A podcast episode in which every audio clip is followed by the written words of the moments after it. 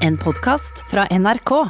Alle kan våkne litt svette og klamme om natta, men hvis dette skjer over tid, da kan det være andre ting på gang. Og doktor Munkvik, hva tenker en lege om nattesvette? Nattesvette er en sånn ting som en lærte om på studiet som et B-symptom.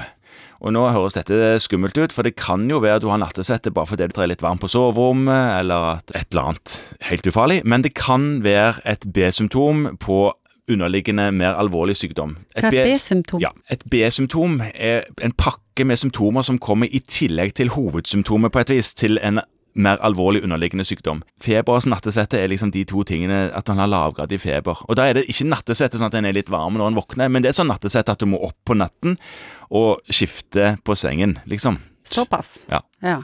Hvis det kommer en pasient til deg og forteller om den type nattesvette, hva spør du da pasienten om? Hva er det da du vil vite? Ja, Det første er jo å se om dette kan være en sånn en uh, hetetokthistorie, hvor man noen ganger mister litt kontrollen på temperaturen fra tid til annen når man går i klimakteriet. Ja. Altså som kvinne blir ferdig med menstruerende periode.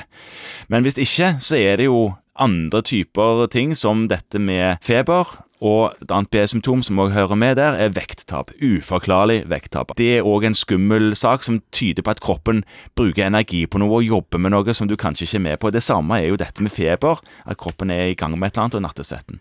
Hva kan det da være? Hva er det typisk? Det kan være kreft. Ja. Det kan være kreft, og det er det en er engstelig for. Så det er jo egentlig veldig greit å bare slippe den ballen ut av uh, sekken med en gang, sånn at en vet hva en snakker om, og vet hva en skal utelukke. Og da må en gjøre de klassiske undersøkelsene. Ta de nødvendige supplerende undersøkelsene som blodprøver og enkelte røntgenundersøkelser for å si at uh, dette er mest sannsynligvis den psykiske faktoren som vi snakket om, som stresser deg, som, ikke, som, gjør at du sover dårlig og du ligger og kaver med om natten. Det er mest sannsynlig det, og ikke alvorlig kreft. Jeg tror alle har vel opplevd ei og annen sånn en natt som du beskriver, der ja. det bare wow, kjempesvett, og mm. hva nå skjedde?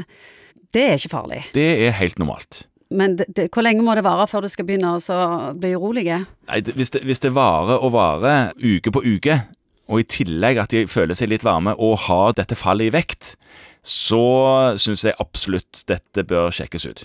Er det forskjell på kjønnene når det kommer til nattesvette? Er det kvinner eller menn som kommer oftest og sier dette? Det er kvinner som kommer oftest til å si dette. Jeg vet ikke om det er god forskning på det, men det er åpenbart hvis en sorterer vekk alle de med overgangsalderrelaterte plager, så tror jeg fortsatt det er litt mer kvinner. Skjer det ofte? Riktig. Ja, det skjer ofte. Mm. Det er en vanlig plage at folk kommer, men de kommer ofte etter at de har nevnt andre ting som de egentlig var der for. Så sier de ja, og så har jeg denne nattesetten. Gir seg liksom ikke, sier de. Og Da må en jo begynne den runddansen og høre hvor alvorlig det er, og kartlegge, sånn at en ikke glipper et alvorlig symptom. Og stort sett er det ingenting galt. Stort sett så er det helt banalt. Du har hørt en podkast fra NRK. Hør flere podkaster og din NRK-kanal i appen NRK Radio.